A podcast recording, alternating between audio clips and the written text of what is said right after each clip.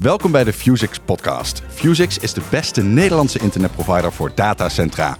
In deze aflevering gaan we het hebben over software en softwareversies. Als internetprovider heb je heel wat routers en switches draaien, maar zo'n metalen kast vol poorten is nog lang niet genoeg.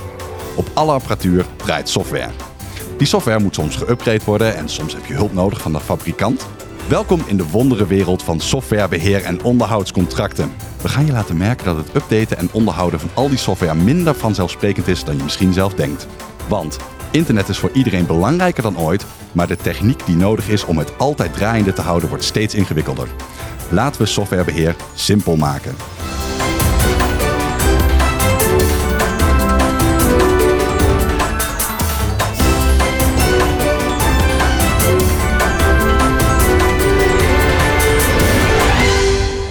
Welkom bij de Fusix podcast. We duiken elke aflevering samen met Julia Maklien en Niels Raaier in een van de onderwerpen die een internetprovider voor datacentra draaiende houdt. En deze aflevering is dat software op jouw netwerkapparatuur. Maar eerst, Julia, ik doe een paar keer per jaar een update op mijn telefoon en dat kost dan even tijd en dat is helemaal niet ingewikkeld. Waarom doen we hier dan opeens wel zo moeilijk over software? Ja, dat is een goede vraag, Randal.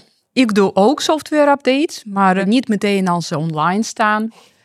Ik denk dat het een, een vraag is over psychologie van de gebruikers van telefoonapparaten. Maar los van hoe, hoe we dat doen, jij en ik, nou, internetprovider doet het anders dan een gebruiker van telefoonapparaat. Want zoals je zegt, er is een uh, kast vol ijzeren poorten, mm apparatuur. Nou, ons netwerk levert uh, toegang tot internet aan bedrijven en software dat functionaliteit van het netwerk bestuurt, dat is van uiterst belang voor, voor de diensten die we leveren. Dus dat, de vraag is, nou, waarom zouden we software updaten? Ik, ik zou dat eventjes willen omdraaien. Dus niet waarom updaten we niet software naar alles wat fabrikant van apparatuur van ons netwerk uh, publiceert, maar waarom zouden we zo'n uh, nieuwe gepubliceerde versie wel gaan gebruiken. Want zoals ze, zoals ze dat in een uh, kinderfilmpje zeggen, is het niet kapot, blijf er dan maar vanaf. dat, dat kan ook. Daar kan ik me wat bij voorstellen. Dan gaan we de rest van de aflevering nog in geur en kleuren indijken. Juist. Niels, even een hele logische vraag. Want mij is altijd verteld, als je niet gelijk alle updates doet, dan ben je totaal niet veilig. En ja, het is een soort gewoonte geworden om dat toch maar altijd te doen. Waarom zou je niet de laatste versie van software op je apparaten willen hebben draaien? Nou, ik begrijp dat uh, als je dat zegt en het gaat bijvoorbeeld over je telefoon. Want kijk, bij een telefoon is het natuurlijk zo dat elke app die je daarop installeert, uh, dat is een nieuw potentieel risico. Dat is iets uh, dat mogelijk iets openzet op die telefoon of dat gegevens van je telefoon kan, kan ophalen. Maar bij een router of een switch werkt dat anders. Want daar hebben we toch in de basis al nagedacht over wie kan er op dat ding inloggen, hoe gaat het verkeer er doorheen. Daar staan dus firewall rules op. Dus in de basis is dat ding eigenlijk veilig. In de basis draait daar alleen op wat er op moet draaien. En het is dus zeldzaam dat je een software upgrade moet doen om een security probleem op te lossen op een switch of een router. En als je dat op je telefoon doet, dan doe je dat meestal ook liever omdat je weer nieuwe kleurtjes of nieuwe ringtones wil hebben, dan omdat er echt wat aan de hand is. Ik vind het gebrek aan nieuwe kleurtjes en toffe ringtones wel schrijnend hoor. Want dat is inderdaad waar ik op zit te wachten. En het valt me reuze tegen.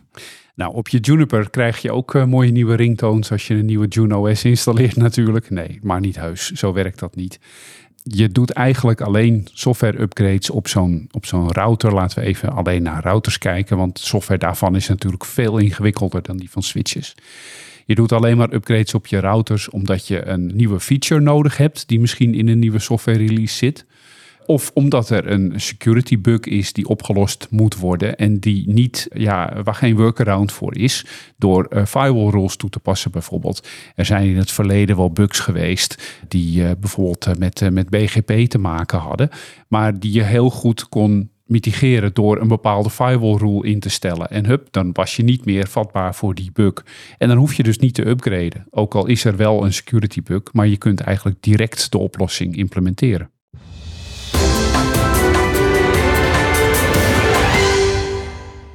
Yes, tijd om er even goed in te duiken. Niels, jij zegt net dat er meerdere redenen zijn om software-updates te kunnen doen. En eigenlijk de hoofdoorzaken zijn, er zijn nieuwe features bedacht of er zijn nieuwe bugs gefixt die het allemaal nog veiliger maken. Kun je iets vertellen over hoe die twee dingen tot stand komen? Want ik denk dat fabrikanten die software-updates maken voor hun apparatuur, ze moeten eerst ontdekken waar de kwetsbaarheden zijn voordat ze die op kunnen lossen. Ja, het zijn echt twee totaal verschillende dingen. Bugs die worden eigenlijk natuurlijk meestal in de praktijk gevonden, laten we eerlijk zijn. En als jij naar een softwareversie op je telefoon kijkt, die je al dan niet upgrade voor de nieuwe kleurtjes, dan is het zo dat er miljoenen van die telefoons in omloop zijn. En als een fabrikant van een telefoon ook maar een beta-versie uitbrengt, dan zijn er al tienduizenden mensen die die installeren. En daar krijgen ze dan direct allemaal feedback van. Maar als je kijkt naar een router, dan zijn er misschien honderden, duizenden van die routers die er draaien, waarvan lang niet iedereen allezelfde features gebruikt. Dus om een bug te ontdekken in software op een router, moet een fabrikant heel erg zijn best doen om alles van tevoren te testen en gewoon heel erg paraat staan op het moment dat de software in de praktijk gebruikt gaat worden, om ervoor te zorgen dat iedereen die die software gebruikt ook ondersteuning kan krijgen als er een bug in optreedt. Dat is als het gaat om bugs. Mhm. Als het gaat om features, dus er wordt iets nieuws geïntroduceerd. Een nieuwe eh, in de, in de functionaliteit. internetwereld. Ja, Ja, bijvoorbeeld eh, RPKI. Hè, daar hebben we in de tijd een heleboel over, over, over kunnen vertellen toen het geïntroduceerd werd. Omdat wij een van de eerste providers in Nederland waren die dat deed. Nou, dan wordt dus gecontroleerd of een bepaalde route die aangekondigd wordt op het internet, of je die ook wel mag aankondigen. Daar komt het eigenlijk op neer. Nou, dat heeft natuurlijk een boel werk gekost om dat de, geïmplementeerd te krijgen door de diverse routervendors. Omdat zij, ja, ze moeten een bepaalde wil hebben om zo'n feature er ook in te stoppen. Waarom zou je dat gaan doen? Er is wel een standaard bedacht door iemand voor RPKI. Er is een RFC geschreven. Het is allemaal goedgekeurd. Engineers vinden het een goed idee. Maar dan moet het door de vendors in de software gestopt worden. En dat is natuurlijk ook een heel proces. Waarbij dan ook vaak, en dan grijpen we weer terug op nummertje 2, bugs gaan optreden. Wie verzint die nieuwe features? Dat is een proces dat komt uit de IETF, de Internet Engineering Task Force. Als je geïnteresseerd bent in het ontwikkelen van nieuwe features voor het draaien van het internet, dan kun je naar een IETF-conferentie. Ik zou je aanraden om daar de eerste keer alleen even te kijken en je te verbazen met wat er om je heen gebeurt. Want dat is niet een standaard conferentie. Klinkt alsof je uit ervaring spreekt, Niels. Ik ben er zelf nog nooit geweest, maar ik heb heel veel verhalen gehoord. Het is eigenlijk zeg maar een soort universiteit van het internet. Daar komt het een beetje op neer. Heel veel mensen die heel theoretisch bezig zijn met wat er allemaal zou kunnen. Klinkt En- oprecht als mannen met baarden die daar rondlopen. Dat is het exact. Ja, precies. En ik ben zelf toch eigenlijk meer van de pragmatische aanpak. Dus ik configureer liever een router dan dat ik bedenk welke knopjes er in die configuratie zouden moeten zitten. In die IETF schrijven ze dan een, een, een, eerst een draft standaard en vervolgens wordt dat een RFC, wat eigenlijk heel bescheiden is, want RFC staat nog steeds voor Request for Comments. Mhm. Maar in de internetwereld heeft dat een, de status van een standaard. Dus als er een RFC is, dan is omschreven hoe het moet. Nou, op die basis wordt software ontwikkeld. Door vendors, door open source mensen af en toe. Maar in de praktijk blijkt natuurlijk daarna pas of het goed werkt of niet. Of dat er nog dingen veranderd moeten worden. Of dat er bepaalde veiligheidsrisico's zijn die over het hoofd gezien zijn. En zo wordt software ja, steeds weer opnieuw ontwikkeld, released. Julia, het klinkt heel ingewikkeld dat als er een nieuwe standaard is geboren, heel de wereld zich eraan moet gaan houden. En dat is vaak een proces van jaren. Hoe kijk jij er tegenaan dat je van hardwarefabrikanten kunt verwachten dat zij die features altijd gelijk implementeren? Klopt. Het- kan een proces van jaren zijn. Dat klopt helemaal. Nou, waarom implementeren ze dat uiteindelijk? Is, nou, ten eerste of als open source software deze feature heeft, dan, dan wordt een voorbeeld gemaakt van hoe de feature werkt. En dan kunnen fabrikanten zich heel moeilijk terughouden van implementatie op hun netwerkapparatuur. Nou, of competitieve vendor heeft het geïmplementeerd. En dan wordt de andere, zeg maar, vanuit dat ja, wedstrijd tussen verschillende vendoren ook een beetje duwtje krijgt die om, om het ook te implementeren. Nou, maar eh, wat, wat interessant is, dat op het moment dat, dat het wel beschikbaar is, dan beslist elk netwerk voor zichzelf of ze deze feature toch wel willen gebruiken. Want RFC is wat recommended is voor internetproviders om te gebruiken, om verkeer veiliger te maken, om internet een, betere plek voor iedereen te maken en, en, enzovoort.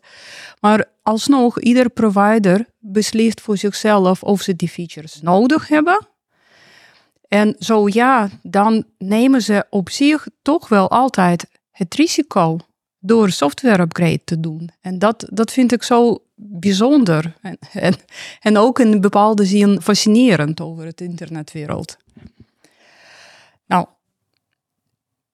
om, om features te implementeren in de software moet de fabrikant eigenlijk betaald ervoor worden. Mhm. Ik denk dat jouw vraag ook deze richting gaat. Nou, ik kan me voorstellen dat als een fabrikant een apparaat heeft verkocht die heel blij is dat dat gelukt is. En ook zou kunnen zijn dat die handen ervan afgetrokken worden. Ik ben gewoon benieuwd hoe zit het wereldje van software updates aan in elkaar. Als ik een iPhone koop, dan krijg ik elk jaar een nieuwe iOS. Daar kan ik mijn klok op gelijk zetten. En, en dat is ook uh, de verwachting van iedereen die een iPhone koopt. Dat er dan nieuwe features, nieuwe kleuren, nieuwe ringtonen, meer veiligheid, et cetera, krijgen. En nou, in internetwereld, als je een apparaat koopt, ik heb uh, apparaten gezien die dus een kwart eeuw in productie draaien. 25 jaar lang Ja. aan te zoomen. Ja, inderdaad. En dat is dezelfde hardware. En het blijft maar werken. Het gaat, gaat niet stuk. Het gaat niet kapot. Hé, wat jammer. Dus en, en dan de vraag is eigenlijk inderdaad heel erg praktisch. Nou, het is niet kapot, het blijft werken. Heb ik nieuwe features nodig, dan heb ik wel software update nodig. Heb ik ze niet nodig, nou, dan blijft het in dezelfde staat op zich. Nou, gelukkig hebben we enthousiaste mensen op zo'n conferentie van internet. Mhm. Die inderdaad over veiligheid nadenken, over theorieën achter, eh, achter het internet. En ze bedenken nieuwe features.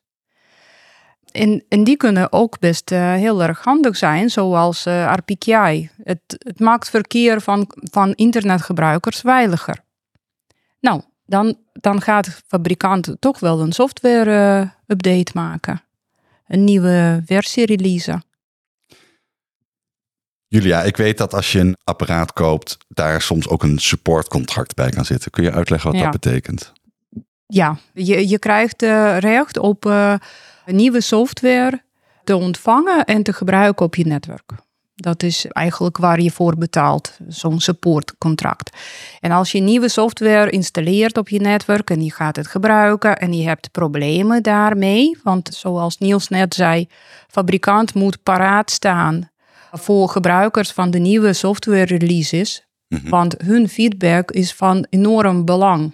Ze kunnen bugs ontdekken, ze kunnen vragen stellen. Dus dat is ook een deel van support waarvoor mensen betalen. Dus als, als je apparaat nodig hebt dat alleen maar blijft draaien zoals een simpele switch, kwart eeuw lang, dan heb je waarschijnlijk niet zozeer support nodig van de, van de fabrikant. Maar als het om een router gaat, en als je internetprovider wil zijn die dan wel in het belang van, van de klanten optreedt en nieuwe, meer veilige features van internet gebruik wel op zijn netwerk wil implementeren, nou, dan heb je toegang nodig tot nieuwe software releases. En je moet ook met de fabrikant kunnen praten over ja, wat die releases op je netwerk doen. En daar betaal je support voor. En Niels, kun jij het verschil uitleggen tussen een supportcontract en een softwarelicentie? Want het klinkt voor mij als iets dat heel erg op elkaar lijkt. Ja, kijk, een supportcontract, dat zorgt ervoor dat bij de fabrikant van zo'n apparaat een, ja, oneerbiedig gezegd, een helpdesk klaar zit. Mhm. Waar jij eh, zaken kunt openen als je vragen hebt over de configuratie of als je meent dat de fabrikant iets eh, fout doet. Maar betaal je daar elke maand voor dan? Daar betaal je dan voor. Ja, in de, in de wereld van de netwerkapparatuur wordt eigenlijk wel altijd betaald Mhm. voor, de, voor de software support. Ja. ja, ja, ja. En wat je zei over eh, licenties, ja, dat is inderdaad een tweede wereld. En eigenlijk eh, is dat zo gek allemaal niet. Je betaalt vaak licenties voor de features die je wilt gebruiken Mm. of voor een bepaalde schaal. Dus als jij een switch koopt, dan kan het best zijn dat die switch ook router kan zijn, als je maar de goede licentie erop zet. En het kan ook zijn dat je een switch koopt met een heleboel heel snelle poorten. Maar dat die poorten grotendeels niet werken totdat je de licentie installeert voor die poorten. En dan denk je, god, dat is flauw, want ik heb die poorten toch al. Maar aan de andere kant... Precies wat ik dacht, ja. Ja, ja, eh, ik kan gedachten lezen intussen. Maar aan de andere kant zorgt het ervoor dat je die switch natuurlijk heel goedkoop kan aanschaffen als jij maar een paar poorten nodig hebt en daarna heel makkelijk door kan groeien als je meer poorten nodig blijkt te hebben. Mm. Dus zo gek is dat niet. Maar dat zijn dus twee verschillende dingen. De software support en licenties, die staan los van elkaar. Ik ben inmiddels ook gewend dat als je gaat kijken naar nieuwe auto's, dat er soms al stoelverwarming in zit, maar die werkt niet. En dan betaal je nog een keertje bij achteraf en dan begint het wel te werken. Of dat de auto opeens zelf kan rijden als je er eh, een boel geld tegen aangooit. Is dit vergelijkbaar, denk je? Ja, ik denk dat het heel vergelijkbaar is. Ja, zo'n feature bijvoorbeeld. eh, Stel dat je een internetprovider bent voor, eh, voor de mensen thuis. Wij zijn dat bij Vuzix niet, want wij zijn alleen voor datacenters. Maar voor eh, de mensen thuis, dan heb je een feature nodig die heet Subscriber Management. Nou, dat is toch wel iets vrij specifieks, want het aantal providers voor de mensen thuis in Nederland, ja, dat is op de vingers van één hand te tellen zo ongeveer. Dus er zijn niet echt heel veel netwerken die die feature gebruiken. Mhm. Dus het zou toch heel flauw zijn als alle kopers van een bepaalde router zouden moeten betalen voor een feature die maar door een handvol netwerken wordt gebruikt. Nou, en daarom zitten er dus extra licenties op zo'n router. Ja, dus je betaalt voor functionaliteit die je nodig hebt. Je zei ook iets over throughput. Wat is dat dan? Ja, dus als je een bepaalde capaciteit door het apparaat heen wilt eh, kunnen sturen. En vaak gaat het op basis van het aantal poorten hoor. Maar het is ook mogelijk bij sommige modellen om een licentie te kopen. Dat je bijvoorbeeld een gigabit door de router heen kunt sturen. Of 10 gigabit of 100. En daar betaal je dan eh, extra voor op het moment dat je dat nodig hebt. Hm. En je betaalt dus niet als je het niet nodig hebt. Oké, het is mij duidelijk, je kunt software-updates van de fabrikant krijgen en soms zitten er licentiekosten, soms heb je een supportcontract nodig. Maar ik ben ook wel benieuwd hoe dit er nou in de praktijk uitziet en hoe je upgrades voorbereidt en hoe je bepaalt welke upgrades je wel en niet doet.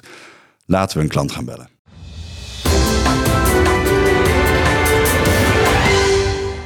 Zoals elke aflevering bellen we met een klant van Vuzix, maar in dit geval doen we dat met collega-provider BIT. We gaan bellen met Teun Vink, teamleider netwerkbeheer bij BIT.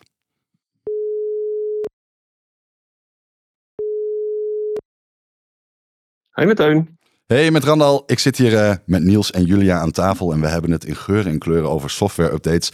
Iets wat je normaal gesproken eigenlijk vanzelfsprekend zou achten. Maar Teun, ik ben benieuwd, zou jij misschien het verhaal willen vertellen van die storing die veroorzaakt is door een bug in de RPKI-implementatie van een van jullie fabrikanten? Ja. ja, dat is alweer een eh, tijdje geleden. Ik denk dat het 2018 was. En ik meen in september hebben wij toen RPKI-validatie aangezet op onze routers. Die routers draaiden de geadviseerde softwareversie van onze leverancier. Dus nou, dan denk je, dan zit het wel snor. Ja, is dat belangrijk als ze Eh, adviseren voor jullie? Nou, het, het, het, het geeft natuurlijk een bepaalde. Nou, verwacht je in ieder geval een uitspraak over de kwaliteit. Qua testen waarvan zij zeggen: ah, joh, hier zitten relatief minder bugs misschien al in. Of bekende bugs in ieder geval nog. Daar zit natuurlijk een subtiel verschil in.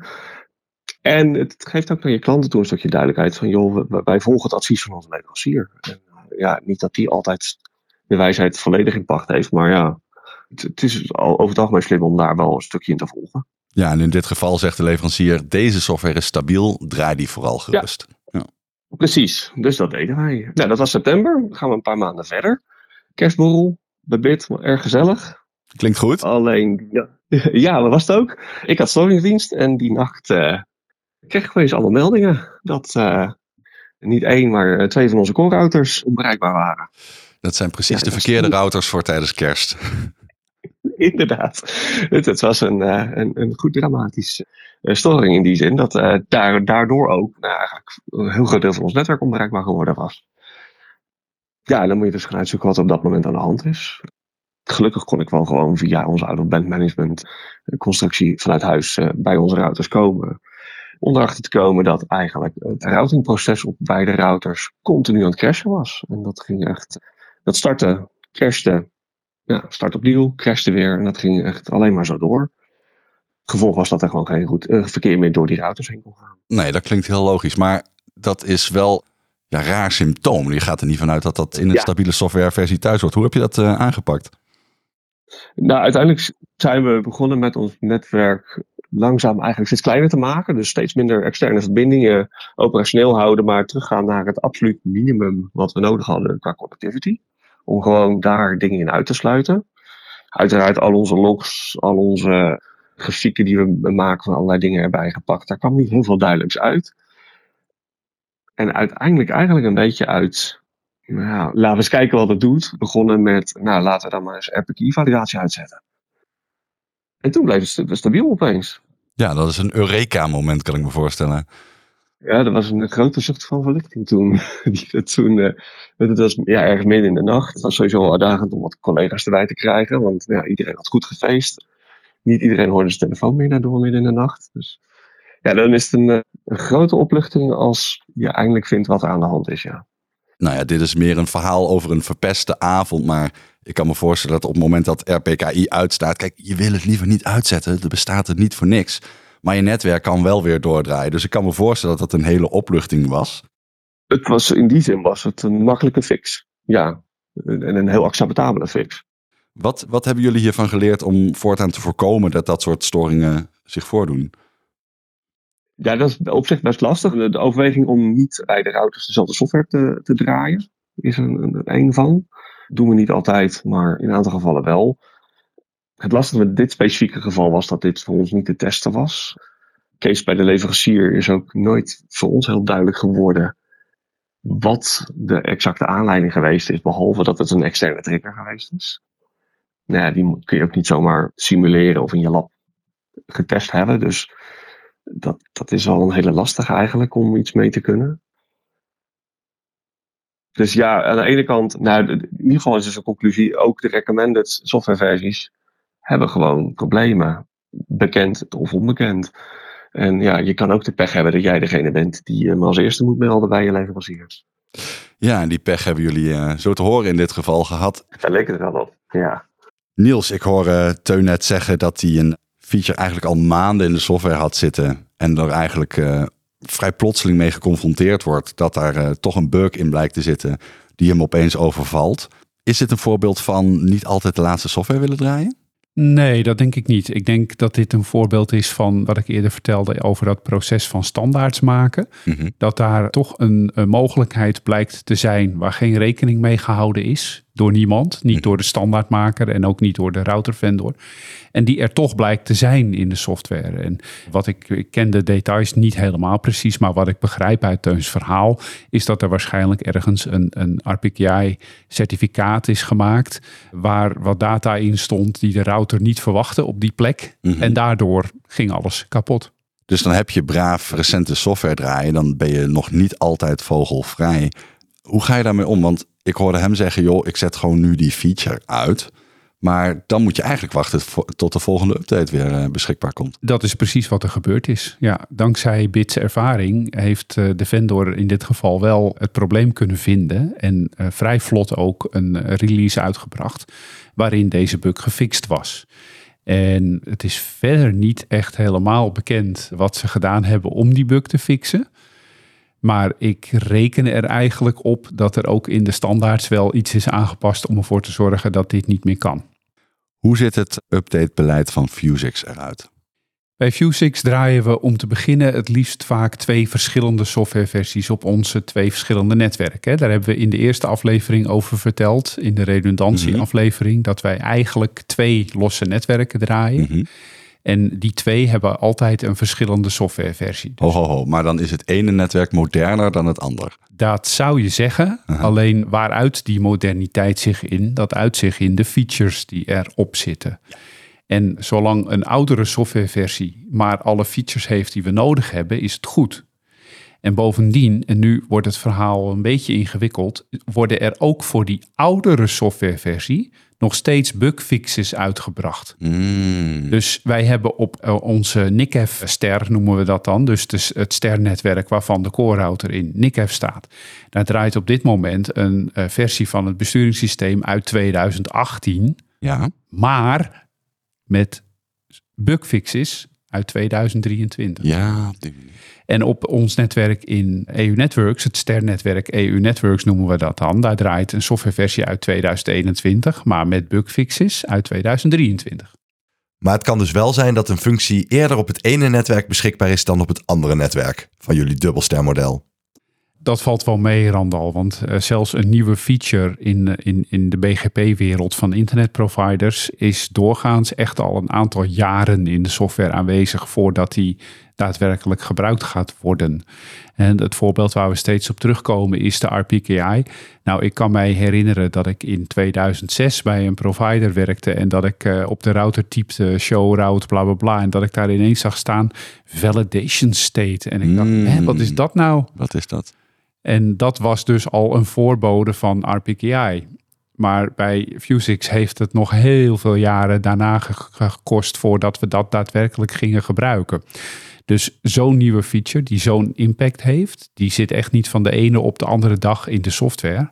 En het is denk ik niet zo dat wij bepaalde dingen niet zouden kunnen op een van onze netwerken uit de ster, die wel kunnen op het andere. Ik denk dat het allemaal wel behoorlijk gelijk loopt. Dus je hebt eigenlijk een heleboel softwareversies. En die zijn niet altijd onderling uitwisselbaar. Jawel, qua features wel. Er zijn nou eenmaal standaards hoe een, hoe een router moet praten met andere routers of, eh, of moet koppelen aan klanten. En zolang de softwareversie die standaards allemaal maar ondersteunt, werkt het allemaal met elkaar samen. Kijk, je komt wel in de problemen als je bijvoorbeeld een firewall wil met uh, active-passive setup of zo. Ja, dan moeten ze dus allebei wel dezelfde versie draaien.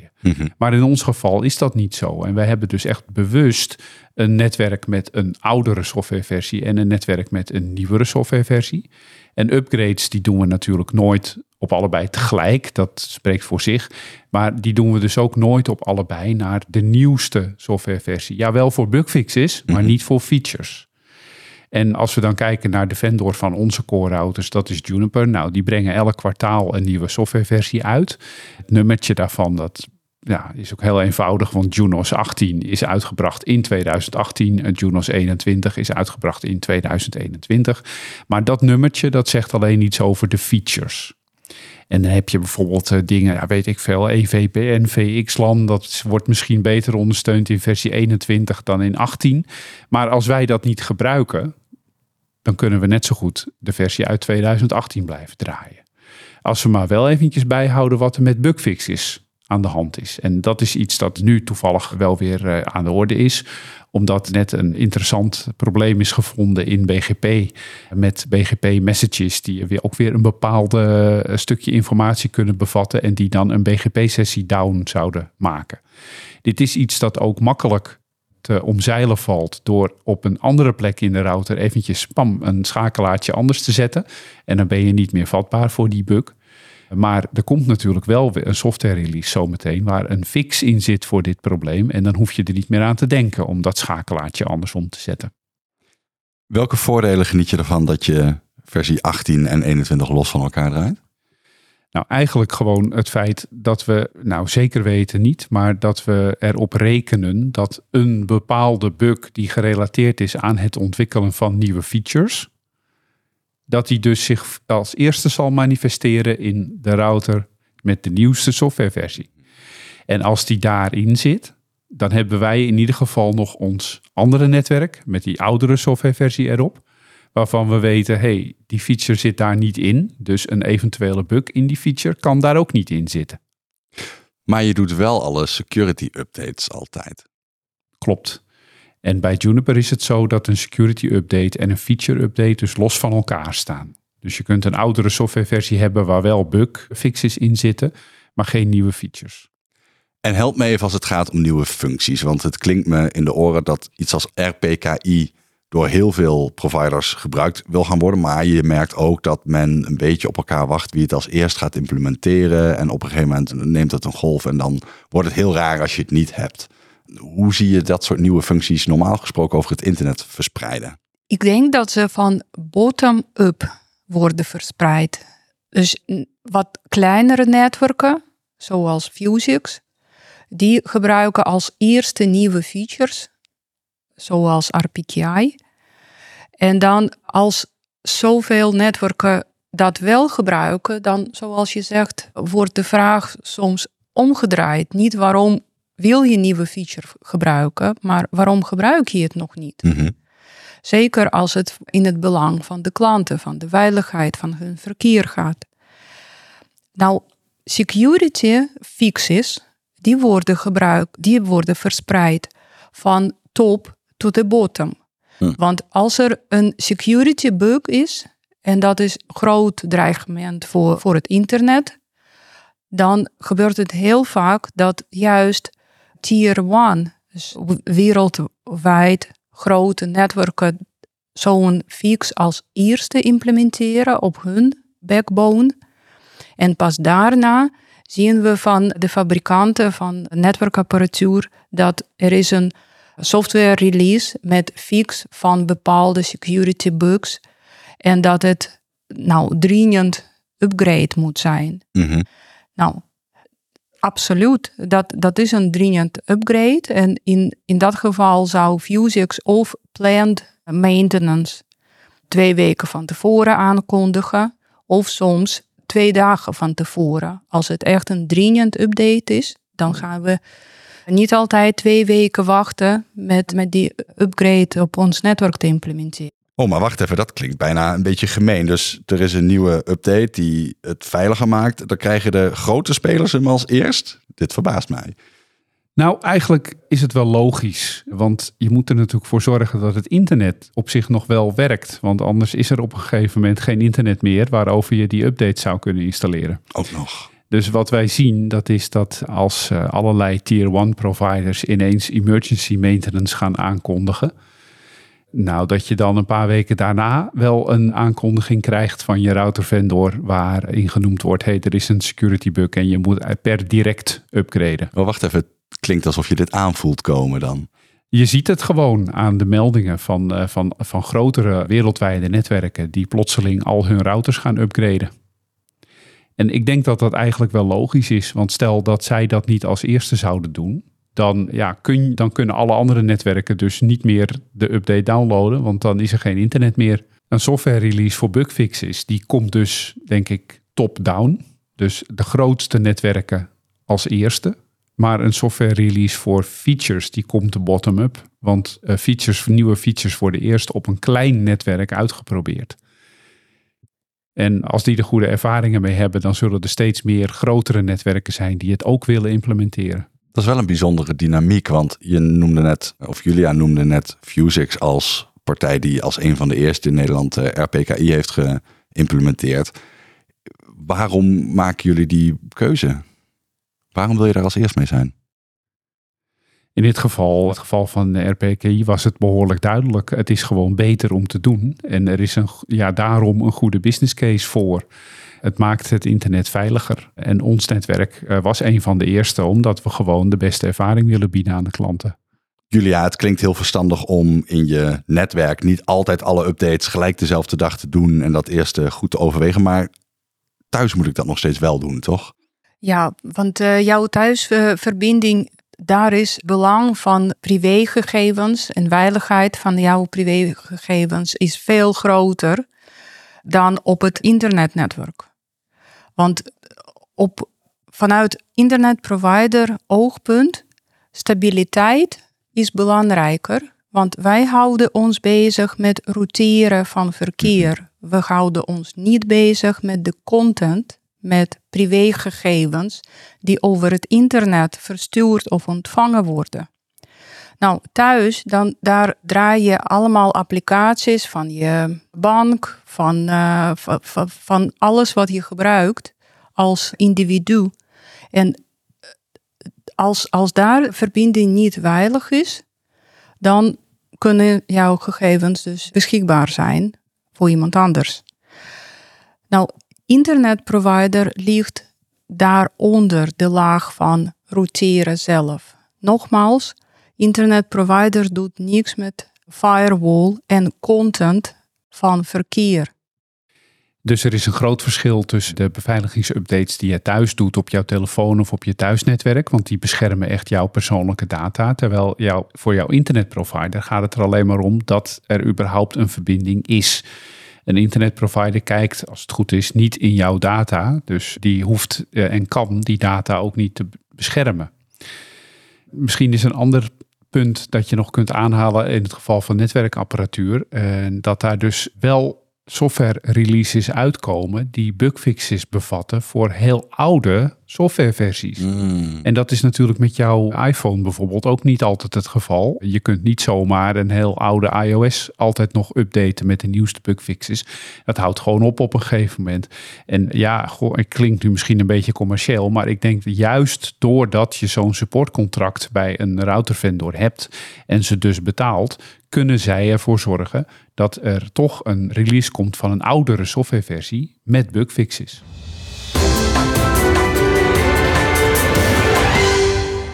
Zoals elke aflevering behandelen we ook een vraag van een luisteraar. En deze keer komt die van Robje. Want Robje die vroeg zichzelf af, hoe bereid je een upgrade voor? Ja, dat is echt een heel leuke vraag. Ik kan je vertellen, als je als netwerkengineer zit en je gaat je, je, je router upgraden. Nou, doorgaans is dat dan met samengeknepen billen, want je bent natuurlijk hartstikke bang dat er misschien iets gaat gebeuren waardoor die router niet meer terugkomt. Nee joh, je en typt gewoon je upgrade, stuk. enter, yes, yes, yes, next, next, next. Ja, Zo ja, zie ja, ik dat voor ja, me. Ja, dus ik log in op mijn Juniper en ik zie een rood eentje staan. En dan weet ik, ik moet één update installeren. En ik klik daar dan op en dan is het klaar. Nou, zo werkt het niet, Randal. Het spijt me voor je, maar ik, misschien kan ik het je nog een keer laten zien hoe het wel werkt. Het is een, een je- samenspel van allerlei commando's die je nog ouderwets moet typen. Hmm. Je moet zorgen dat de software op de goede plek staat. Je moet zorgen dat de softwareversie gecontroleerd is, dat die überhaupt geïnstalleerd kan worden. En dan als je het installatieproces start, dan gaat de router zelf ook nog controleren of de configuratie wel compatible is met de eh, versie die je wilt installeren. En als dat gebeurd is en de softwareversie is geïnstalleerd, dan zal de router ook nog helemaal rebooten, want hij moet natuurlijk de nieuwe versie gaan draaien dan. Ja. Nou, zoals ik al zei, als, zeker als je dit voor de eerste keer doet, samengeknepen billen. Nou, dat effect dat wil ik voorkomen. Dus bij Fusix hebben wij op kantoor, waar we deze podcast ook opnemen, in een rek een paar meter achter je, gewoon een router staan die dezelfde router is als onze core routers in eh, NICF en EU Networks. Kun je het vast een keertje testen. Precies. Dus daarop zet ik dan dezelfde softwareversie die er nu draait, met dezelfde configuratie die er nu draait. Ik sluit een paar systemen erop aan om verkeer door die router heen te sturen. En ik ga de upgrade oefenen en kijken of daarna diezelfde systemen elkaar gewoon weer kunnen bereiken. En dan weet ik dat de upgrade inderdaad op deze manier plaatsvindt. En dan hoef ik minder zenuwachtig te zijn als ik midden in de nacht op zo'n router dat hele lange serietje commando's ga typen. Het klinkt ontzettend ingewikkeld en toch zit jij hier aan tafel tegenover mij te glunderen. Vind je dit leuk om te doen? Ik vind dit echt superleuk. Dit draaiend houden van dat core, eh, core netwerken op het internet, dat, dat is echt mijn passie. En ik had vanmorgen nog eh, met een klant eh, wat mails uitgewisseld over waarom wij met bepaalde netwerken wel pieren en met andere niet pieren. Nou, daar hebben we het natuurlijk in de vorige aflevering over gehad. Maar ik vind het gewoon zo leuk om uit te kunnen leggen, nou, dit, werk, dit netwerk wel, want en dit netwerk niet, want. En de klant kwam ook heel snel terug met: Ik ben heel blij dat je er zo goed over nadenkt. En ik vind dit echt leuk om ja, ons stukje internet te mogen managen elke dag. Wat fijn dat er wat van die eh, enthousiaste nerds aan de achterdeur van het internet zijn die ons allemaal veilig en up-to-date houden. Dankjewel.